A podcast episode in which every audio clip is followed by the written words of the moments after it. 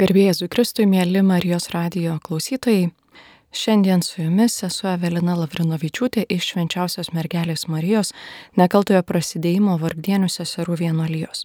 Šiandien sausio 12 Marijampolėje, o taip pat ir Marijos radijoje ypatingai minime palaimintą Jurgį Matulaitį, todėl šiandienos katechezės tema bus susijusi ir su juo arba pažvelgsime ją palaiminto Jurgio Matulaičio akimis ir per jo patirtį. O visiems noriu priminti, kad Marijampolėje 11.30 bus rožinio maldo 12 val. šventos mišios prie palaiminto Irgio Matulaičio relikvijų, meldžiant užtarimo visiems, kurie šaukėsi pagalbos savo lygoje, prašant Dievo stebuklo, kad palaimintasis Jurgis Matulaitis kuo greičiau būtų paskelbtas šventuoju. Kviečiu prisijungti prie šios maldos ar gyvai Marijampolėje, ar Marijos radijo bangomis ir tikrai patikėti Dievui savo intencijas, savo poreikius, savo reikalus ir nebijoti liudyti, kai patiriam, kad Dievas mus išklauso. Tai gali sustiprinti, padrasinti ką nors, kieno išgyventas stebuklas taps keliu palaimintajam Jurgiui į paskelbimą jo šventuoju.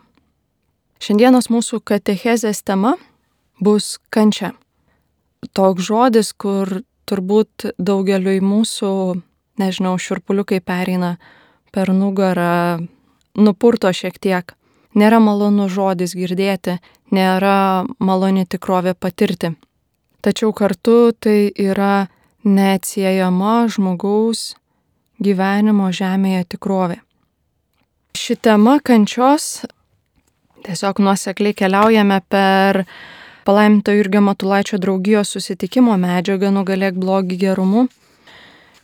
Šiandien atėjo laikas šiai temai, tačiau kartu galvoju, kad jinai aktuali mums bet kuriuo metu laiku, bet kuriuo mūsų gyvenamuoju laiku, žvelgiant į mūsų amžių.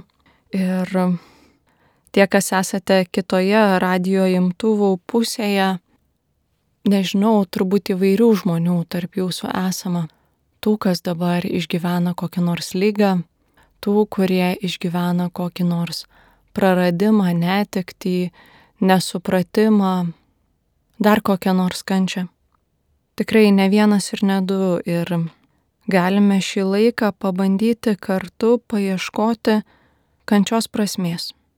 Pabandyti kartu pažiūrėti, galbūt naujai, galbūt truputėlį kitų kampų į tai, kaip Jėzus kentėjo ir ko galim iš jo išmokti. Palaiminto Jurgio gyvenimas irgi buvo ypatingai pažymėtas kančios. Tiek fizinės, tiek moralinės. Tos psichinės, dvasinės kančios. Pirmiausiai, jis buvo našlaitis, netekti savo artimiausiųjų, netekti tėčio ir mamos yra didžiulė kančia. Tada jisai sirgo, lyga, kuri nepagydoma, kuri kelia nuolatinius skausmus, kuris turi savo paaštrėjimus. Iš čia nuolatinė kančia, nesupratimas ir apleidimas brolio šeimoje. Toliau persekiojimai seminarijoje, persekiojimai dėl lietuviškos lietuvybės veiklos. Tada nesupratimas bažnyčioje dėl jo įsipareigojimo darbininkams, skundai grasinimas suspendavimu. Tada buvimas vyskupu Vilniuje, o taip pat apaštaliniu nuncijumi Lietuvai, apaštaliniu vizitatoriumi Lietuvai, nepriėmimas, bandymas manipuliuoti, tiesioginiai grasinimai.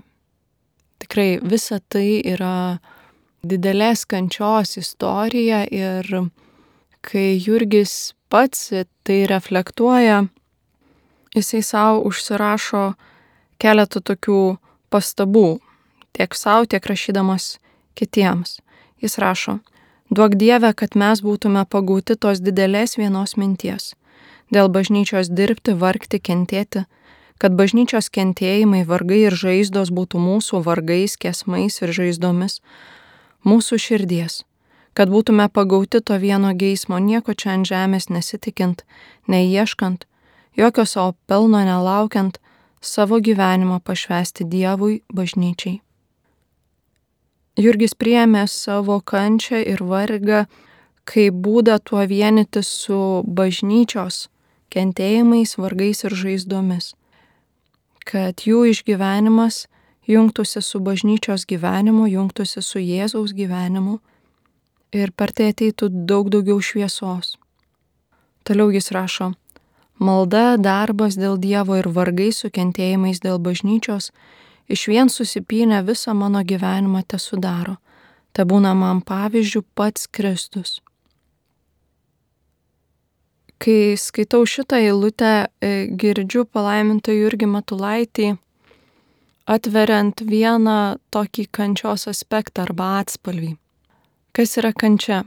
Jonas Paulius II savo paštališkajame laiške Salvifici Doloris apie žmogiškosios kančios prasme, jis rašo, kad kančia yra blogio patirtis, o blogis tai yra gėrio nebuvimas. Tai kančia taip pat išgyvenama, kai išgyvenamas tas gėrio nebuvimas, gėrio trūkumas ir taip pat pastangos įveikti šitą trūkumą yra susijusios su kančia, su tam tikru kentėjimu, iškentėjimu, išgyvenimu, perėjimu, iki kol pasiekiama kita būklė. Toliau palaiminto irgi mintis. Tegul visa, kas būna Dievo garbiai Tegul tie visi sopuliai, sielvartai, kentėjimai, širdies suspaudimai, sukrauta būna atgailai už mano sunkius pereito gyvenimo nusidėjimus. Jurgis bando išvardinti keletą skirtingų patirčių, duoda mum žodyną kančiai. Sopuliai, sielvartai, kentėjimai, širdies suspaudimai. Tai, ką galim atrasti savo kūne ir širdyje - sopuliai, skausmai, sielvartai, širdies suspaudimai. Ir viena ir kita yra tai, kas gali būti sukrauta atgailai. Taip Jurgis į tai žiūri. Toliau Jurgis kunigui Jonui Totoraičiui rašo, kad susitinkame su visokiomis kliūtimis, nieko tame nematome ypatinga. Reiktų stebėtis, jeigu būtų kitaip. Kristus kentėjo ir jo bažnyčia gimė ir augo kančiose. Jurgiui kančio ženklas yra vienybės su Kristumi ženklas. Pagaliau žmogus ne tik darbų tarnauja Dievui, bet ir malda, gerų pavyzdžių, kentėjimų, jei kantriai neša kryžių lygų. Taip jis rašo kunigui Julijonui Kazakui žmogus Dievui tarnauja ne tik darbu, bet ir malda, gerų pavyzdžių, kentėjimu, jei kantriai neša kryžių lygų. Labai svarbi dalis šito sakinio, ką čia Jurgis sako, kentėjimu, jei kantriai neša. Kartais atrodo, kad mes su kančia elgiamės labai panašiai, taip kaip medicinos rytį elgiamasi. Šita mintis yra iš Jono Pauliaus antrojo mano minėto dokumento Salvifici Doloris. Tai yra elgesys su kančia reakcijos būdu, tai yra terapija, tai yra bandymas kančią pašalinti. Tai nėra neteisingas būdas elgtis su kančia, su kiekvienu skausmu reikėtų padaryti viską, kas įmanoma, kad jį būtų galima pašalinti. Ir tas yra labai akivaizdu, kai kalbam apie fizinį skausmą. Tačiau kartais reikia išmokti tai, ką mums sako ta kančia. Ir šiuo atveju net ir fizinis skausmas. Gali būti, kad fizinis skausmas mums sako, yra tik simptomas kažkokios daug rimtesnės bėdos arba mūsų įpročio, pažiūrėjau, netaisyklingos laikysenos. Čia yra labai toks elementarus pavyzdys. Ir mes galime gerti nuskausminamuosius, galime naikinti tą skausmą, galime naikinti tą kančią, nuslopinti tą simptomą. Tačiau nepadaryti nieko, kad išspręstume priežastį. Jeigu mes nepasižiūrėsime į tai, koks tas skausmas, iš kur tas skausmas, dėl ko tas skausmas, mes tik tai bandysime išspręsti simptomus, bet neprisiliesime priežasties. Tuo tarpu, jeigu žiūrėsime priežastį, gali būti, kad galėsime tą kančią tikrai įveikti, jos neslopindami, neapsimesdami, kad neskauda bet išspręsdami to skausmo šaltinį. Su netaisyklinga laikysena tai yra labai akivaizdu.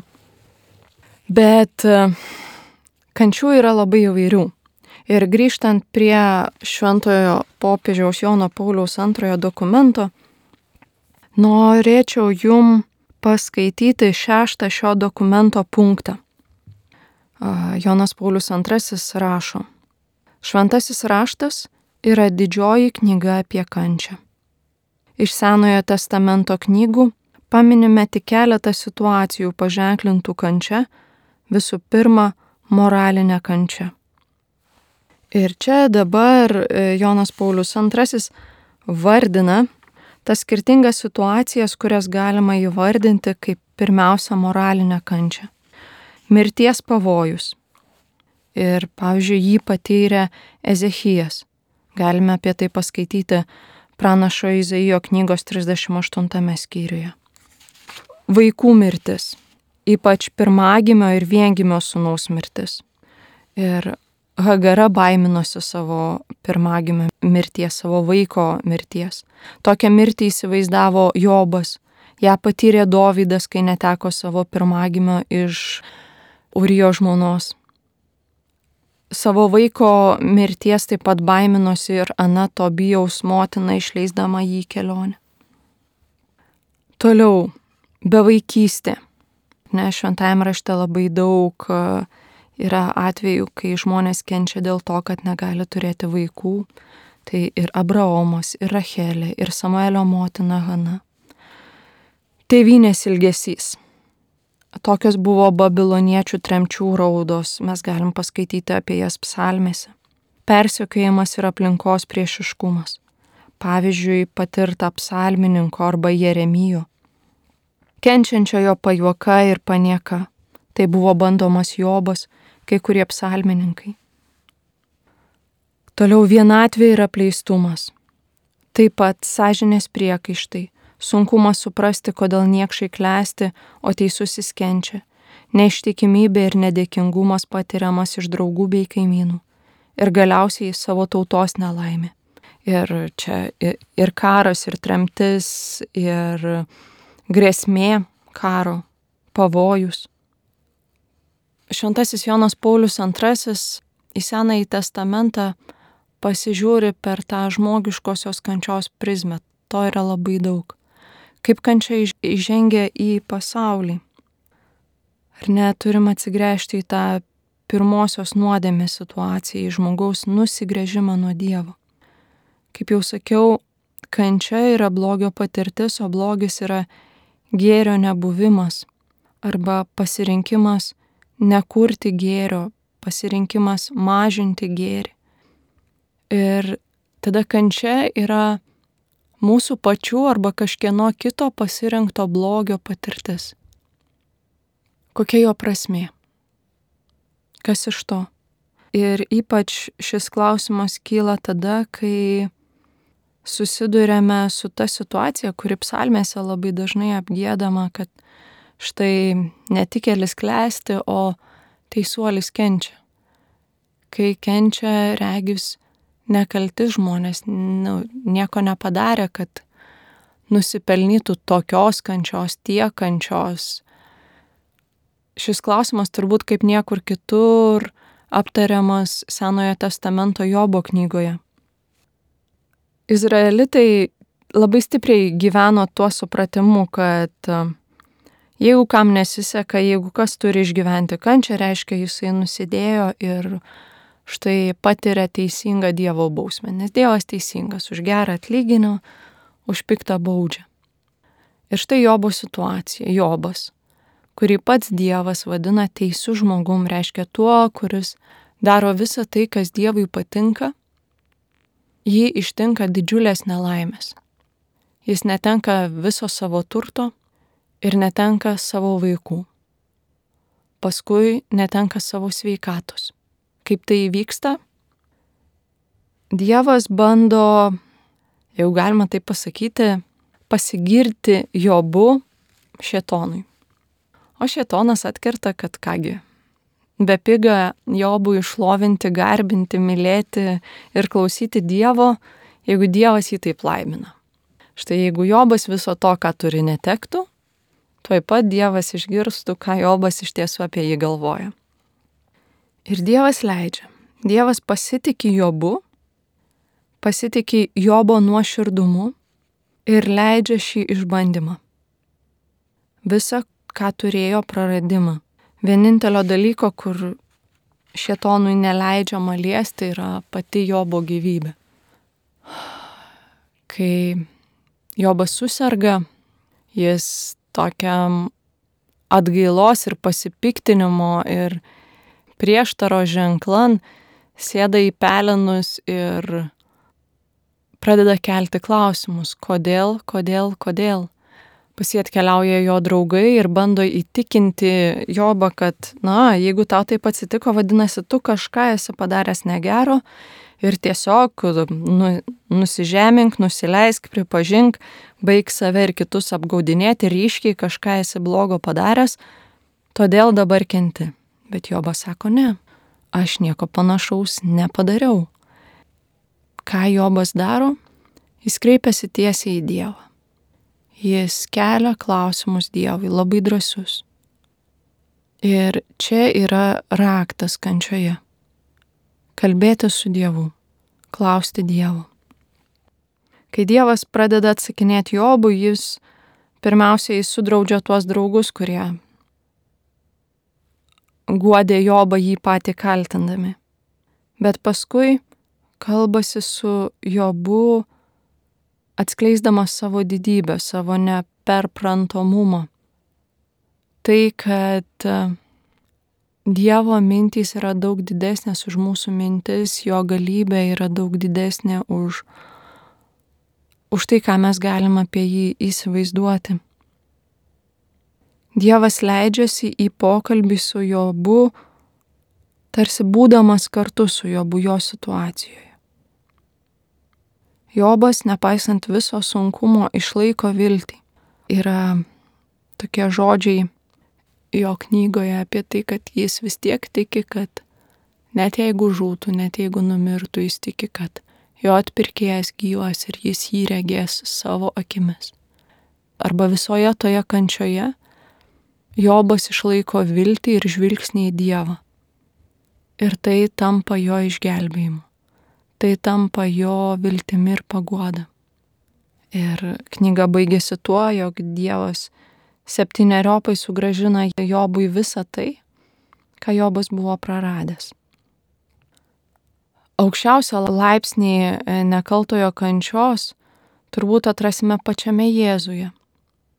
Ar ne, Paulius rašo, ta, kuris buvo be nuodėmės, jis dėl mūsų padarė nuodėmę.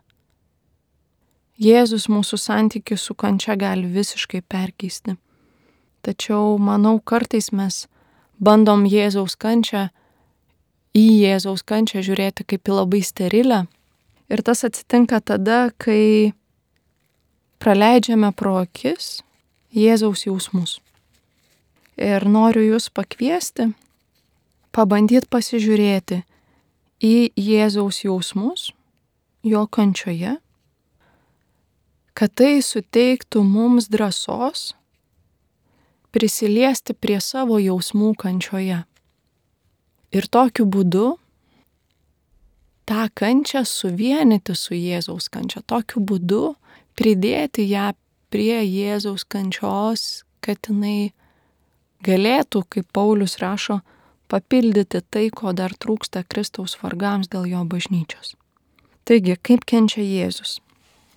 noriu jum perskaityti vieną ištrauką iš Evangelijos pagal Morku. Kaip žinia, Evangelija pagal Morku yra seniausiai parašyta Evangelija, taigi toksai seniausias šaltinis, pirminis ir tikrai tai, ką rašė Morku savo Evangelijoje, jisai tokį koncentratą tenai surašė, absoliučiai tai, kas jam atrodė būtinai, būtinai svarbu ir reikšminga. Noriu jūs pakviesti į Jėzaus maldos Getsemanėje, alyvų sode epizodą. Tai yra Evangelijos pagal Morku 14 skyrius nuo 32 iki 39 eilutės. Jie atėjo į ūkį vadinamą Getsemane. Jėzus sako mokiniams, pasėdėkite čia, kol aš melsiuos. Pasiemęs draugę Petrą, Jokūbą ir Joną, jis pradėjo nuogastauti ir sielotis. Jis jiems skundėsi. Mano siela mirtinai nuliūdusi. Pasilikite čia ir būdėkite. Paėjęs truputį toliau sukniubo ant žemės ir ėmė melstis, kad jei galima, ji aplenktų toji valanda.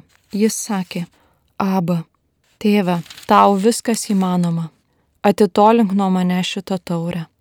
Tačiau tebūnie ne kaip aš noriu, bet kaip tu. Paskui grįžta, randa juos miegančius ir taria Petrui.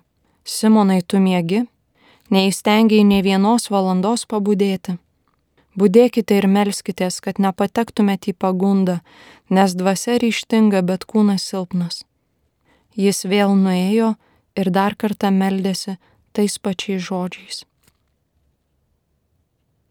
Kelios eilutės, o juose randame tokius žodžius kaip nuogastauti, sielotis, skundėsi, mirtinai nuliūdusi, sukniubo. Man atrodo, kad kartais, kai skaitome šituos aprašymus, kaip Jėzus meldėsi Getsemanėje, mes taip pat peršokome prie tos eilutės. Tačiau tebūnie ne kaip aš noriu, bet kaip tu. Ir visai nežiūrime į tas eilutes prieš tai buvusias visai nežiūrime į tuos jausmų ir išgyvenimo žodžius, kuriuos čia Morkus pavartojo. O jei pažvelgsime į Luko pasakojimą, ar ne, Lukas, kuris buvo gydytojas, kuris žinojo, kas yra kančios nesterilumas, jis mums pasakoja taip. Atėjus į vietą, Jėzus įspėjo, melskitės, kad nepakliūtumėte į pagundą. Jis atsitolino nuo jų maždaug per akmens metimą ir atsiklaupęs ėmė melstis. Tėve, jei nori, atimk šitą taurę nuo manęs, tačiau te būna ne mano, bet tavo valia. Jam pasirodė iš dangaus angelas ir jį sustiprino. Mirtino sielvarto apimtas, jis dar karščiau meldėsi. Jo prakaitas pasidarė tarsi tiršto kraujo lašai varvanti žemėn. Net angelui sustiprinus Jėzų, Jėzus, kaip meldžiasi, mirtino sielvarto apimtas.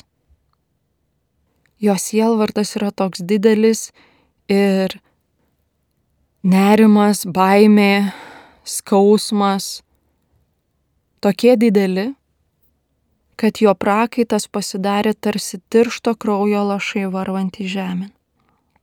Jėzus kenčia nesteriliai. Jėzus kenčia iš tikrųjų.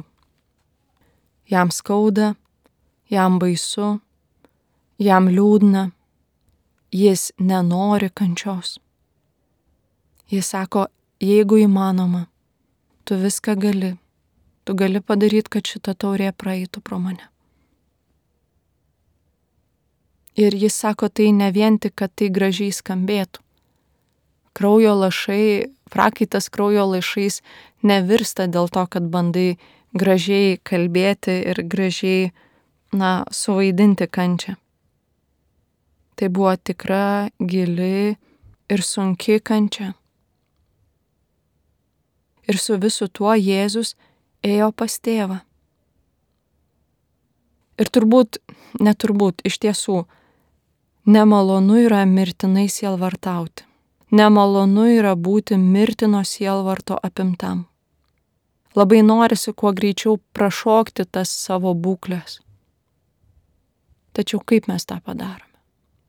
Jeigu nežiūrim į šiuos jausmus, jeigu jų nepriimam, tada mes arba bandome susikauti, arba bandome pabėgti, arba sustingstame. Tačiau negalime sąmoningai savo kančios susijęti su Jėzaus kančia.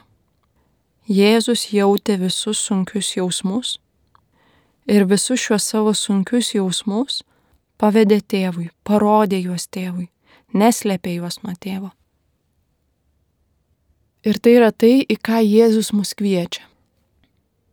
Gyvūnai, kai kenčia, jie savo kančią bando paslėpti.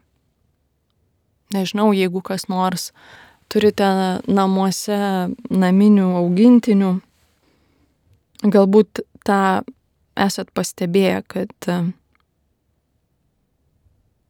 yra sunku atpažinti, būna sunku atpažinti, kad gyvūnui skauda. Yra taip akivaizdžių situacijų, tačiau normaliu atveju gyvūnas, kuriam skauda ir kuris kenčia, jisai slepiasi. Jisai slepiasi ir nerodo, kad jam skaudu ir sunku. Kodėl? Nes skausmas ir kančia lygų lyga, o lyga labai dažnai lygų mirtis. Ir gyvūnas siekia išgyventi, nepasiduoti, Todėl jisai negali pasirodyti silpnas savo priešininkui ar plėšrūnui. Bet žmogus yra pakviestas į kitokį elgesį nei gyvūnišką, žmonišką. Todėl savo kančią neslėpti, bet ją išgyventi su Dievu, atiduoti Dievui pilnai visus tuos jausmus, kurie kyla, juos savo pripažinti. Kai juos savo pripažinsime, galėsime visai kitaip pažinti tos kančios šaltinį ir pamokas. Kas man skauda, ko aš bijau, dėl ko man kyla nerimas.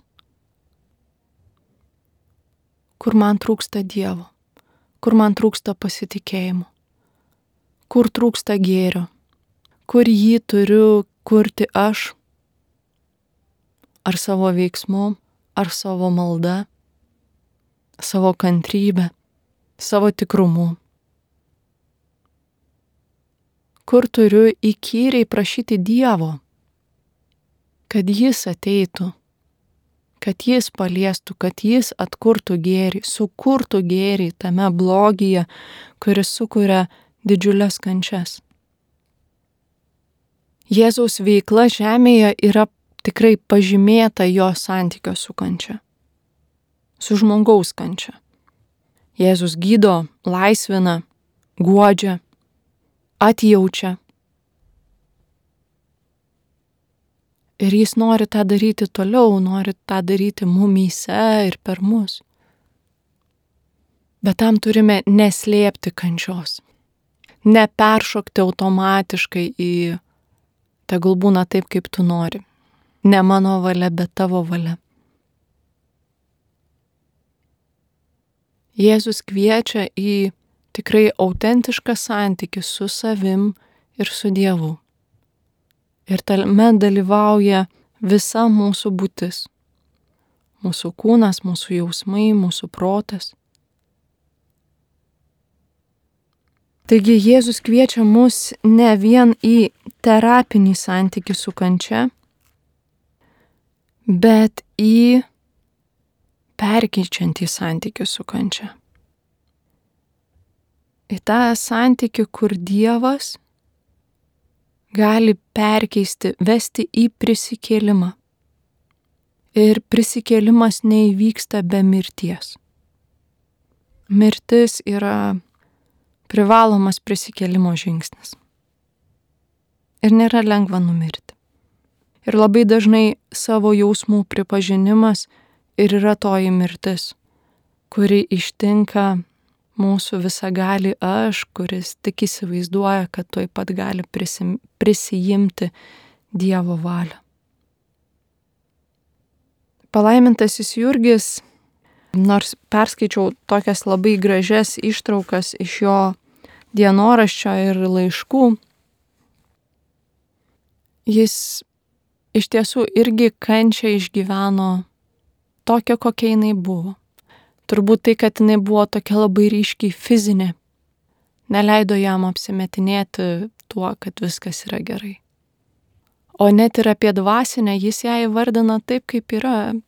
Kai jisai tapo paštaliniu vizitatoriumi Lietuvai, jisai rašo, kad, na va, jis galvoja, kad, tiksliau gali įvardinti, kad Vilnius tai buvo skaistikla, o Kaunas tai yra pats pragaro priengis.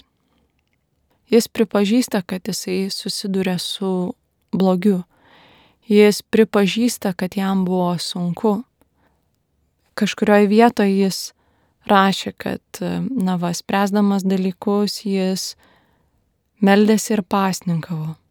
Kitur, kad tiesiog jisai liejo ašaras dėl tos situacijos, kuri buvo. Kančia yra tikra ir kančia yra tai, ką reikia iškentėti, ką reikia kantriai išgyventi, pripažinti, kad tai yra, tam, kad paskui būtų galima pasakyti, tebūnie ne taip, kaip aš noriu, tai yra, kad kančios nebūtų, bet kaip tu, kad tavo valia įvyktų, kad iš tos kančios gimtų geri dalykai, kad iš tos kančios gimtų prisikėlimas, kad kančia įgytų prasme. Viktoras Franklis, žydų kilmės psichiatras, psichoterapeutas, išgyvenęs nacistinę koncentracijos stovyklą, po jos kūrė savo terapinę sistemą, kuri vadinama logoterapija, tai yra prasmės terapija. Jis pateikė daugybę liudijimų apie tai, kad koncentracijos stovyklos siaubą ir kančią galėjo išgyventi tie, kurie atrado prasme, kurie žengė į dalykus už tos kančios ir kartu taip pat ir toje kančioje gebėjo būti žmonėmis dėl žmonių. Kančioje galime atrasti prasme. Galima atrasti savo atsakomybę ir užduotį, misiją. Tik turim būti labai nuoširdus ir neapsimesti, kad neišgyvename kančios. Neapsimesti, kad lengva. Neapsimesti, kad jau sakome Dievui, tegul būna tavo valia. Būkime drąsūs išgyventi mirtino sielvarto akimirkas kartu su Jėzumi. Kad taip pat kartu su Jėzumi galėtume išgyventi ir prisikėlimo akimirką. Prisikėlimo įvykį. Dėkoju Jums uždėmesį ir linkiu drąsos, linkiu atnešti į Dievo akivaizdą tai, kas mums yra sunku ir skaudu ir patį savo skausmą ir sunkumą, paprašyti juose taip pat ir palaimintojo Jurgio užtarimo, galbūt tai yra kelias į stebuklą, taip pat dalintis tuo, ką atrandame iš sąlyčio su Jėzaus kančia ir prisikėlimu. Dalintis tuo, kaip patiriame šventųjų užtarimą, išgydymą, paguodą, šviesą. Drąsinkime vieni kitus būti iš tikrųjų. Su jumis buvo sesuo Evelina. Šiandien kalbėjome su jumis apie kančią ir jos prasme, apie tai, kaip į kančią žvelgia palaimintasis Jurgis, ką mums apie tai pasakoja Jonas Paulius II. Ir svarbiausia, o kaip kančią išgyveno Jėzus ir į ką kviečia mus. Garbė Jėzui Kristui.